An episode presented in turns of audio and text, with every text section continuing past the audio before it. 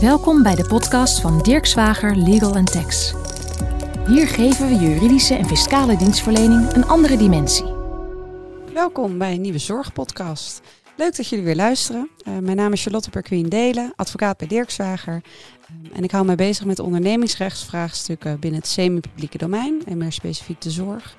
En um, ik zit hier vandaag niet alleen. Uh, we gaan het hebben over gunstbetoon binnen uh, de medische sector. En uh, dat doe ik samen met mijn collega Dennis Hut. Ja, goeiedag Charlotte. Ja. Ik ben dus Dennis Hut, advocaat arbeidsrecht ook bij Dirk Zwager. En ik houd mij voornamelijk bezig met arbeidsrechtszaken voor de zorg. En vandaag dus inderdaad met Charlotte mogen wij het hebben over nou, toch wel een actueel onderwerp.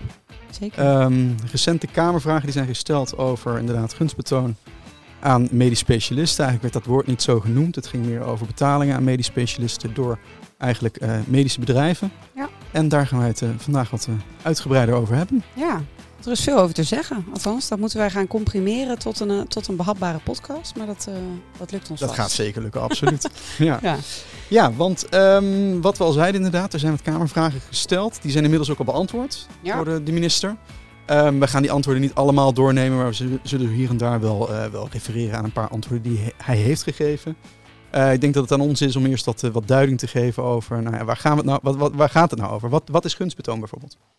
Ja, gunstbetoon, als we echt kijken naar de definitie die is gegeven in de wet, um, dan gaat het eigenlijk om door een leverancier in het vooruitzicht stellen, aanbieden of toekennen van geld of op geld waardeerbare diensten of goederen aan een natuurlijk persoon die betrokken is bij de toepassing van nou ja, onder andere een medisch hulpmiddel.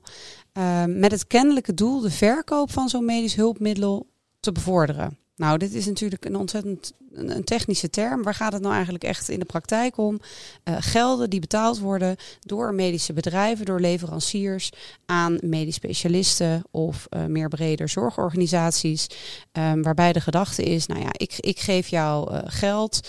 Um, en de kans bestaat dan dat, dat het risico vergroot dat die medisch specialisten dat bepaalde middel van die leverancier extra gaan voorschrijven of meer ja. gaan voorschrijven. Ja, want zij willen gewoon hun product aan de man brengen eigenlijk, ja. zoals dat nou ja, overal gaat. Alleen het is gewoon wat lastiger wanneer je een medisch specialist bent of een zorgorganisatie. Want er zijn nog andere belangen die meespelen. Ja, en, en de, wet, hè, de wetgever die, die uh, heeft gezegd, ja, zo de beslissing tot het toepassen van zo'n medisch hulpmiddel, bijvoorbeeld medicatie, uh, maar denk bijvoorbeeld ook aan uh, bepaalde soorten hartkleppen, et cetera. Dus eigenlijk alle hulpmiddelen die in de medische wereld gebruikt worden. Um, de beslissing om zo'n hulpmiddel toe te passen, dat moet SEC gebaseerd zijn op gezondheidsbelangen. Ja, ja logisch. Ja. Dat denk ik ook, ja. En, en juist doordat er dan bepaalde gelden worden betaald, dan kan de indruk ontstaan: hé, hey, schrijf jij dit middel voor omdat jij daar geld voor krijgt of niet? En, en dat is heel, heel zwart-wit, uh, maar dat is wel het risico wat er bestaat. En daar moeten we alert op zijn. Ja, en um, is het dan ook zo dat zulke vormen inderdaad van nou ja, eh, geldverstrekking uh, verboden zijn bij wet? Of hoe, ja. moet, hoe moeten we dat zien? Nou, het uitgangspunt is gunstbetoon. Hè, dus het betalen van, van gelden. Denk bijvoorbeeld even aan uh, sponsorovereenkomsten. Laten we het versimpeld even zo noemen. Ja. Um, dat is verboden. Tenzij het blijft binnen de wettelijke kaders. En die wettelijke kaders zijn neergelegd in de wet medische hulpmiddelen. Um, ja, dus, dus daar moeten we, moeten we naar kijken. Ja, dus eerst kijken, is het gunstbetoon? Ja. Als het gunstbetoon is, kan het zijn dat het verboden is. Ja. Is niet altijd het geval, zullen we zo meteen ook merken. Zeker, ja. Maar een relevante voorvraag is dus van, van is, het, is het gunstbetoon? En er zijn bepaalde vormen van sponsoring, ja. heb ik begrepen, die niet direct vallen onder, die, onder dat begrip gunstbetoon. Terwijl het misschien op eerste gezicht wel nou, zo kan, kan worden gekwalificeerd. Ja, we moeten uh, bij gunstbetoon moet je bijvoorbeeld denken aan hè, dus dat betalen van gelden, uh, het vergoeden van bepaalde kosten, bijvoorbeeld om naar een of ander heel gaaf congres te gaan, uh, het geven van bonussen en kortingen, um, het organiseren van hele mooie bijeenkomsten, nou, die soms ook echt wel heel luxe zijn hè, voor, voor artsen en medisch specialisten. Een tripje naar Bonaire. Een tripje naar Bonaire, ja. Nou ja, ik, ik ben nog nooit meegevraagd helaas. Um, maar we moeten, dat iets kwalificeert niet altijd als gunstbetoon. We moeten echt kijken naar de wettelijke definitie van gunstbetoon. En dan moet je uh, kijken naar het onderdeel met als kennelijke doel de verkoop van een medisch hulpmiddel te bevorderen. Ja. Als dat kennelijke doel er niet in zit, ja, dan, dan kwalificeert het aan zich niet als gunstbetoon. Ja, dat is het springende punt. Hè? Je hebt inderdaad die, die, die wet uh, waarop dit allemaal is gebaseerd. Er zijn ook beleidsregels die, uh, die hierop ingaan. En daar staat heel duidelijk in dat het moet gaan om. Um, het, het, moet een kennelijk verkoopbevorderend doel hebben. Ja. Uh, ik denk dat het springende punt is. Als dat er niet is, inderdaad, dat er gewoon kortingen worden toegekend, inderdaad, um, ja, die, die daar niet aan te relateren zijn aan zo'n ja. verkoopbevorderend doel, um, dan valt het niet onder gunstbetoon. Nee. Begrijp je dat goed? Ja, alleen in de praktijk kan het echt nog wel eens lastig vast te stellen zijn. Maar goed, dat, dat hangt heel erg af van de, van de omstandigheden van het geval, zoals we zo graag uh, binnen het juridische domein zeggen. Um, maar we kunnen ook kijken naar de beleidsregel. Uh, er is een beleidsregel, uh, gunstbetoon webmedische hulpmiddelen. Hè, die is eigenlijk gebaseerd op, op de wet. En um, daarin is gezegd, nou, sponsoring valt buiten de rijkwijde van het verbod op gunstbetoon. Dus dan, dan kwalificeert het aan zich niet als gunstbetoon. Uh, en dan moet er voldaan worden aan verschillende voorwaarden. En ik denk wel dat het goed is dat we die even allemaal noemen. Um, overigens voor de oplettende uh, hè, luisteraar uh, die nu in de auto zit en geen aantekeningen kan maken. Dit kan een heel groot deel van deze podcast is ook terug te lezen in onze blogreeks. Maar daar komen yes. we op het einde ja. ook nog even op terug. Um, maar wat zijn nou die cumulatieve voorwaarden die in die beleidsregel uh, staan? Dat is allereerst dat de sponsoring uitsluitend verstrekt wordt voor doeleinden die op geen wijze gerelateerd zijn aan de aanschaf, het gebruik, het toepassen of het aanbevelen van producten van de sponsor. Dat is eigenlijk waar jij het net eerder ook al over had, hè? Ja. Dat, dat, dat kennelijke doel. Um, het tweede vereiste is dat de sponsoring nuttig en noodzakelijk is om bij te dragen aan het beoogde gezondheidsbelang. Uh, denk bijvoorbeeld ook aan financiering van bepaalde belangrijke onderzoeken. Ook daar is niet altijd direct sprake van gunstbetoon. Um, Denk ten derde aan de aard, het doel en de omvang van de sponsoring. Nou, die moeten vooraf schriftelijk worden vastgelegd. Maar dat niet alleen. Ze moeten ook vooraf schriftelijk worden goedgekeurd door het bestuur van de instelling van de ontvanger. Lees, nou ja, een zorgorganisatie. Hè? Mm -hmm. Dat bestuur ja. die, die moet daar wat van vinden. Die moet dat schriftelijk ontvangen. Die moet daar ook schriftelijk goedkeuring voor geven. Als dat dus niet gedaan wordt, dan zit je dus eigenlijk al direct in, in dat verboden gebied. Hè? Dus, dus dat is echt wel heel erg van belang. Ja, en dat is ook echt een van die punten waar die Kamervragen op zagen. Ja. Inderdaad, er is wat media-aandacht geweest, uh, omdat nou, er de sprake kon zijn, of in ieder geval er was, had sponsoring plaatsgevonden aan cardiologen. Ja. En um, uit die, nou, die, die nieuwspublicaties bleek dat sommige ziekenhuisorganisaties geen kennis hadden inderdaad van ja, die sponsorovereenkomsten die daaraan ten grondslag lagen. Ja. En uh, als ik het goed begrijp, inderdaad, kan dat in ieder geval nooit de bedoeling zijn. Dat er geen kennis is. Nee, want hè, er moet zelfs schriftelijke goedkeuring zijn van dat bestuur. Um, hè, en dat is echt een cumulatief uh, vereiste. Um, en we hebben nog drie andere vereisten, namelijk dat uh, de sponsoring mag geen tegenprestatie van de ontvanger vereisen. En met uitzondering van bijvoorbeeld de naamsvermelding. Mm. Ja, dat, dat houdt natuurlijk ook weer verband met dat, hè, wat is het kennelijke doel. Um, dan het vereisen dat de besluitvorming over de aanwending van de gesponsorde financiële bijdrage op onafhankelijke wijze en zonder beïnvloeding door die zogenaamde sponsor moet plaatsvinden. Um, nou ja, hoe, hoe, dat geld wat jij ontvangt, hoe ga je dat besteden? Daar ga jij dus zelf over en daar gaat die sponsor niet over. En uh, als laatste, in het geval van sponsoring ten behoeve van dat wetenschappelijke onderzoek, uh, dan moet dat onderzoek zelf ook voldoen aan de maatstaven van wetenschappelijke kwaliteit, objectiviteit en integriteit. Uh, nou, binnen de wetenschap hebben we daar weer ook allerlei uh, integriteitscodes voor. maar dat gaat deze podcast wat te ja, buiten ja, om daarop in te gaan. Te buiten, ja. kunnen we nog heel lang over praten, maar laten we het nu niet doen. Maar er zijn dus in ieder geval zes cumulatieve vereisten. Daar moet je aan voldoen, want anders zit je sowieso in dat verboden gebied van gunstbetoon. Ja, ja. en um, op zich deze vereisten kan me zo voorstellen dat het best wel contextafhankelijk is. Ja. Alleen die derde waar jij aan refereerde inderdaad, van dat er schriftelijk toestemming moet komen vanuit nou, het bestuur van de zorgorganisatie of de ja. zorgorganisatie. Dat is wel één die eigenlijk over nou ja, alle sponsorovereenkomsten wel um, het, het, hetzelfde is in ieder geval. Dat is een van de voorwaarden. Aan alle, aan alle voorwaarden moet worden voldaan, maar dat is er eentje die kan je er wel uitlichten als van nou ja goed, dat, dat, dat moet in ieder geval goed, goed in orde zijn. Ja, en, en daarbij geldt dus, um, hè, dat is dus en uh, aan de medisch specialisten hè, of de organisatie van medisch Mhm. specialisten, hè, bijvoorbeeld eh, de maatschap of hè, waar, de, waar de sponsorovereenkomst dan ook mee gesloten wordt.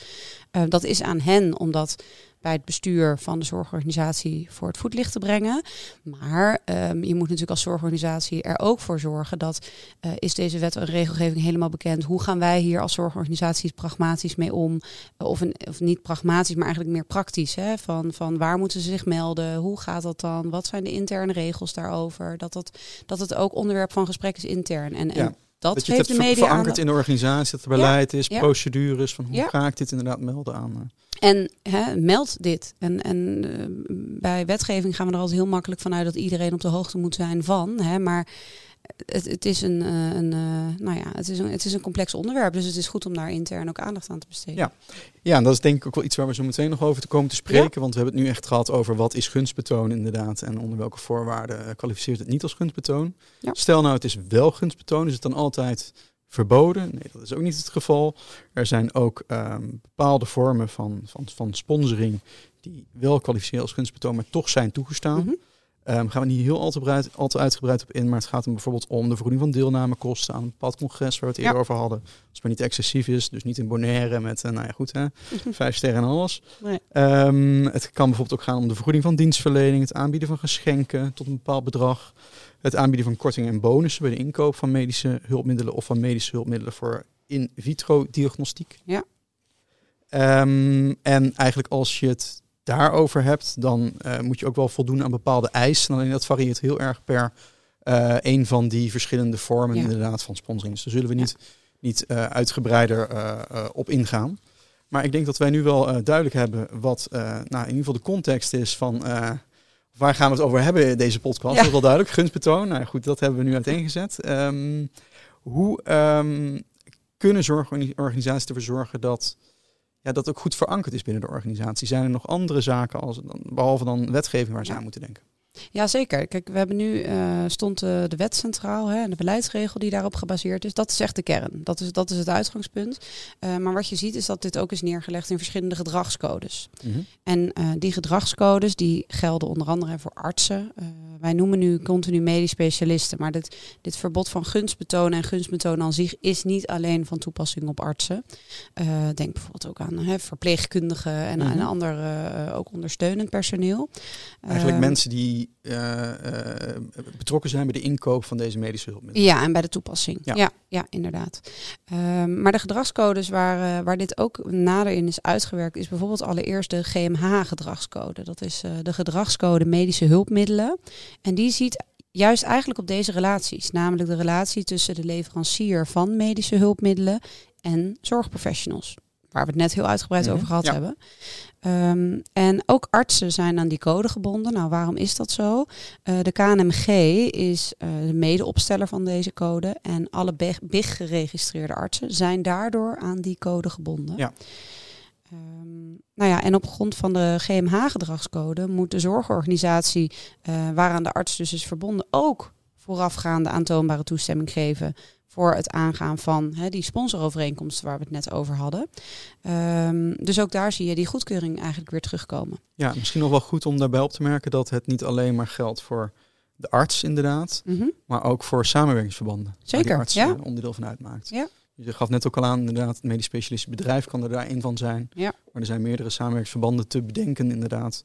Ehm, waar inderdaad, nou ja goed, die, die, die, GMH-gedragscode wel een rol gaat spelen. Ja, kijk, je weet eigenlijk als arts, ook al ben je, ben je verbonden in een bepaald verband, in een, in een vereniging of in een stichting. Of Nou, eh, bekijk even waar je doet, waar jij verenigd bent. Eh, dat betekent niet dat je je daar zomaar achter kan verschuilen. Hè. Er, er rust ook Mhm. nog steeds een, een individuele verantwoordelijkheid op jou als arts. Ja, dat is Klopt. duidelijk. Ja. Ja. Ehm, nou, die, die GMH-gedragscode hebben we dus, maar ehm, daarnaast kennen we ook eh, de KNMG-gedragscode. Eh, daar moeten ook alle BIG-geregistreerde artsen zich aan, eh, aan houden. Ehm, en daarin zien we ook dat de arts is verplicht om belangenverstrengeling te voorkomen. En dat is met name de belangenverstrengeling die de patiënt of het vertrouwen in de zorgorganisatie Mhm, kan ja. schaden. Nou, dat kan hier ook onder vallen. Hè? Je wil niet dat een patiënt denkt: waarom heb jij mij dit medicijn voorgeschreven? Of waarom heb jij bij mijn operatie dit medische hulpmiddel eh, gebruikt? Is dat daadwerkelijk in het belang van mijn gezondheid? Of is dat omdat jij er geld voor hebt gekregen? Dus daar zie je die belangenverstrengelingen ook terugkomen. Ehm, artsen moeten daar transparant over zijn. Ehm, ook als zij zelf eigenlijk twijfelen over is het belangenverstrengeling of niet. Dat moet eigenlijk in alle openheid Ja. eh, besproken worden. Ja, en, en het moet, je moet het objectief kunnen vaststellen, hè, zeggen ze. Dus het is niet alleen maar de arts die daar inderdaad iets Nee. over moet zeggen. Het is niet subjectief Nee. bepaald, inderdaad. Maar echt objectief moet het vaststelbaar zijn, inderdaad, dat die belangenverstrengeling in ieder geval geen rol speelt, of in ieder geval niet aanwezig is. Ja. Ja, hij moet echt open zijn over alle, hoe ze het dan zeggen, werkelijke en potentiële belangenverstrengeling. En eigenlijk in het algemeen moet een arts zo open mogelijk zijn over alle belangen die relevant kunnen zijn. Eh, nou ja, als je dit in het bredere verband ziet van überhaupt de discussie over onafhankelijkheid, hè, ook bij eh, bijvoorbeeld hoogleraren en echt openheid over nevenfuncties. En ehm, dat zie je ook in het, in het verband met eh, commissarissen en bestuurders die nevenfuncties moeten melden. Hè. Er is een, een algemene tendens dat we open moeten zijn over Mhm. al onze belangen. Nou, dat geldt, eh, geldt hetzelfde voor artsen. Ja. Ja, dat is duidelijk. Ja, en je gaf al, of in ieder geval openheid, inderdaad, transparantie. Eh, we hadden het net over de GMH-gedragscode. Onderdeel daarvan, of in ieder geval, daar wordt ook wel naar verwezen, is eh, het trans transparantieregister zorg. Ja, klopt. Ehm, dat is eigenlijk het register, als ik het goed heb begrepen, waar eh, al deze ehm, sponsorovereenkomsten in moeten worden geadministreerd. Ja. Door eh, ofwel de zorgorganisatie ofwel door de arts. Mhm. Of het samenwerkingsverband. Het samenwerkingsverband? Ja. inderdaad. En ehm, dat, dat is ook een verplichting die rust op deze Ja. partijen, toch? Ja. Zeker.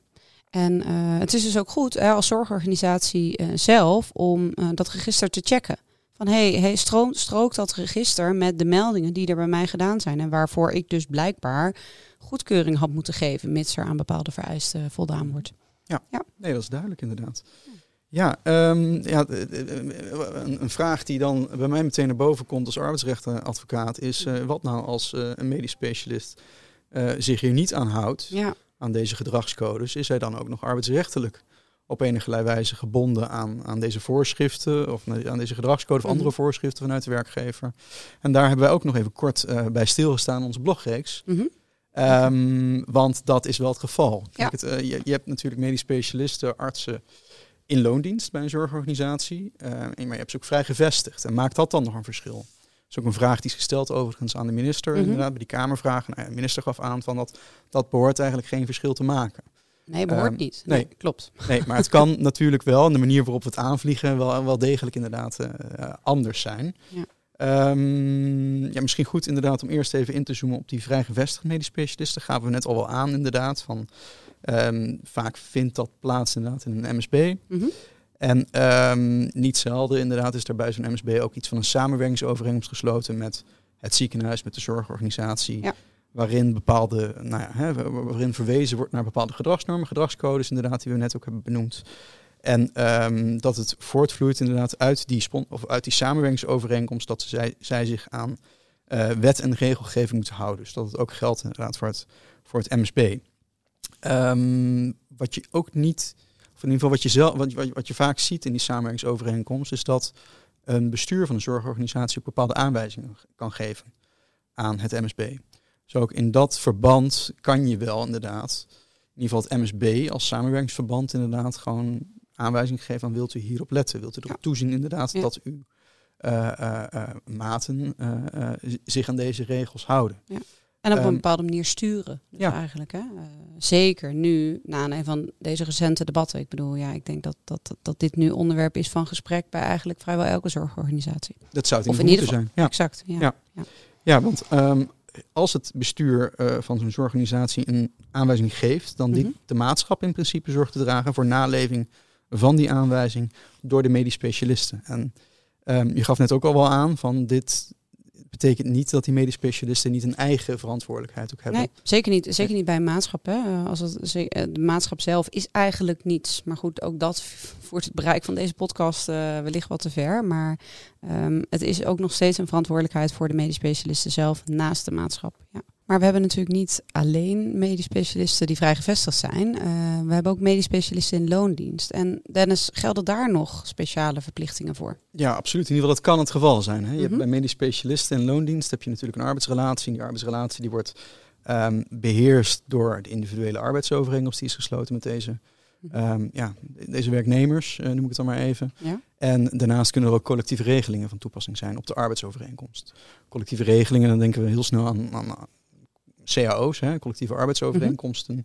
En uh, mogelijk zijn er ook bijvoorbeeld nog gedragscodes uh, van toepassing die gewoon specifiek op de zorgorganisatie, uh, voor de zorgorganisatie gelden. Dus, dus eigenlijk die interne regeling. Hè? Ja, de dus, interne ja, precies. Bijvoorbeeld, je ziet wel eens een code of conduct, huishoudelijk reglement, Ja. gedragsregels. Dat wordt steeds belangrijker, ook in het kader van integriteitsbeleid. Maar in dit specifieke geval zie je ook best wel vaak inderdaad dat er iets staat eh, in eh, gedragscodes over bijvoorbeeld het ontvangen van giften. Ja. En ja, dat, dat, dat kan hier ook relevant zijn of nevenactiviteiten. Ja. Ehm, maar ik denk dat het goed is om heel eventjes in te zoomen op ehm, die collectieve arbeidsovereenkomsten. Ja, want nou ja, CAO. Kijk, ja. je hebt, je hebt natuurlijk artsen die in dienst zijn bij een ziekenhuis, bij een UMC, maar ook bijvoorbeeld in een gehandicaptenorganisatie of eh, in de Mhm. GGZ. Nou ja, je hebt allerlei CO's die daar van toepassing zijn. Ik zal ze niet allemaal behandelen, dus ik ga niet in op de CO, GGZ, de CO, gehandicaptenzorg, al staat daar wel specifiek iets in over ontoelaatbare handelingen. Mhm. Uh, dus bijvoorbeeld inderdaad het ontvangen van giften en dergelijke.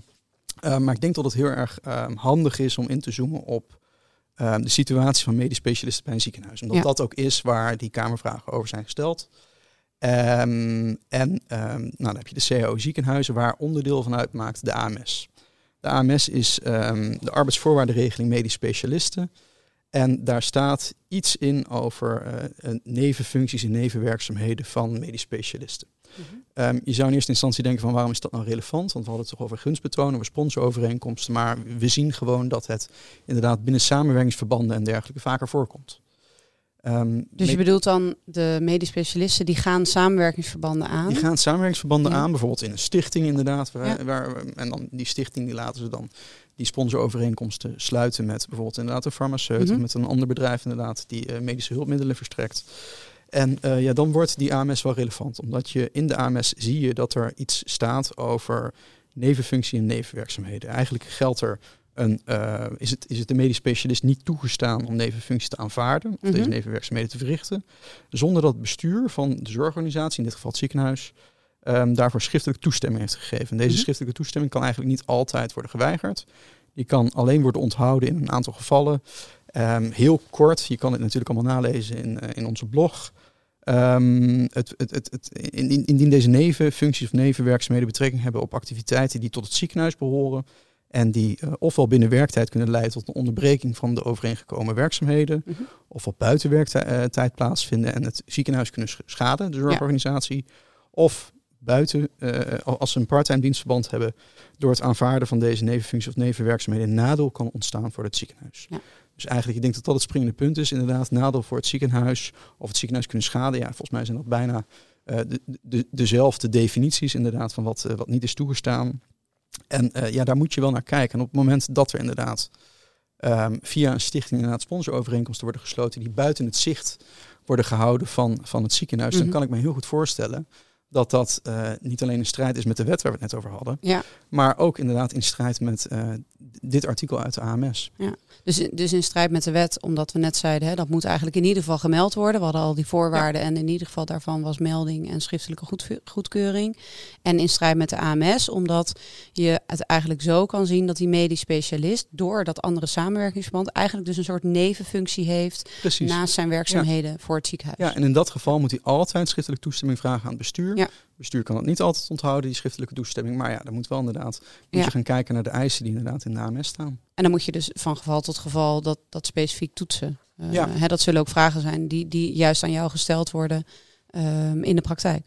Ja, dat is absoluut waar. Uh, zeker uh, de laatste tijd worden er heel veel vragen over gesteld. Ook omdat de wetgeving op dat gebied is veranderd. Nu de wet transparante voorspelbare arbeidsvoorwaarden. Maar ja, goed, daar zal ik jullie verder vandaag niet mee vermoeien. Als je daar meer interesse in hebt, kijk vooral op onze website. Um, maar dat is inderdaad hè, in de notendop het, uh, het plaatje voor werknemers, inderdaad, voor medisch specialisten. Ja. Um, maar je hebt natuurlijk niet alleen medisch specialisten, je hebt ook nog binnen organisaties, zorgorganisaties, de Raad van Bestuur en de Raad van Toezicht. Ja. Um, kunnen we daar nog wat meer over vertellen, over wat hun rol is inderdaad in deze? Ja, want we hebben het tot nu toe uh, heel erg gehad over die medisch specialisten hè, en die verantwoordelijkheid. En, en je merkt ook heel erg dat in kamervragen en in de media dat het heel erg gaat over ja, wat medisch specialisten dan al wel en niet moeten doen. Uh, maar er is ook zeker wel een rol weggelegd voor het bestuur en de raad van toezicht van een zorgorganisatie. Mm-hmm. Um, we hebben het al eerder gehad over een bepaald hè, intern beleid. Zorg dat dit intern onderwerp is überhaupt van gesprek. Hè, dat mensen weten wat hun verplichtingen zijn, waar ze naartoe moeten. Help ze ook daarbij. Ehm, daarnaast moeten zij uh, al dan niet goedkeuring geven hè, aan dergelijke sponsorovereenkomsten. Ja, over gehad. Daar zijn ook gewoon vereisten voor. Het is ook niet dat je nu kan zeggen, oh ja, hier, ik geef goedkeuring. Die moet er echt kritisch naar kijken. Er zijn ook voorwaarden voor.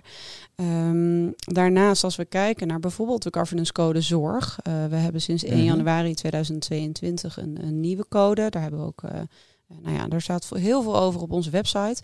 Uh, maar als we kijken, daar, daar zien we heel duidelijk in dat het bestuur um, van een zorgorganisatie ongewenste belangenverstrengeling niet alleen van zichzelf moet voorkomen, uh, maar ook eigenlijk van alle medisch professionals, managers en binnen medewerkers. De hele organisatie. Ja, binnen de hele zorgorganisatie.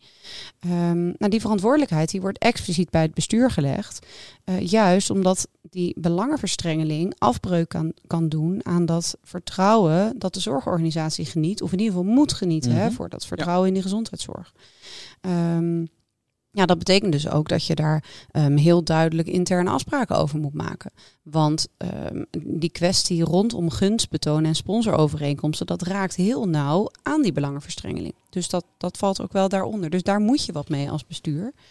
Um, en ook als raad van toezicht. Want als raad van toezicht hou jij daar toezicht op. Mm -hmm. um, dus nu ook, dit, dit, dit moet nu onderwerp van gesprek zijn in de boardroom. Dat is wel, uh, dat is wel duidelijk. Ja. ja, en ik ga er ook wel vanuit dat dat onderwerp van gesprek is op dit moment bij ziekenhuizen.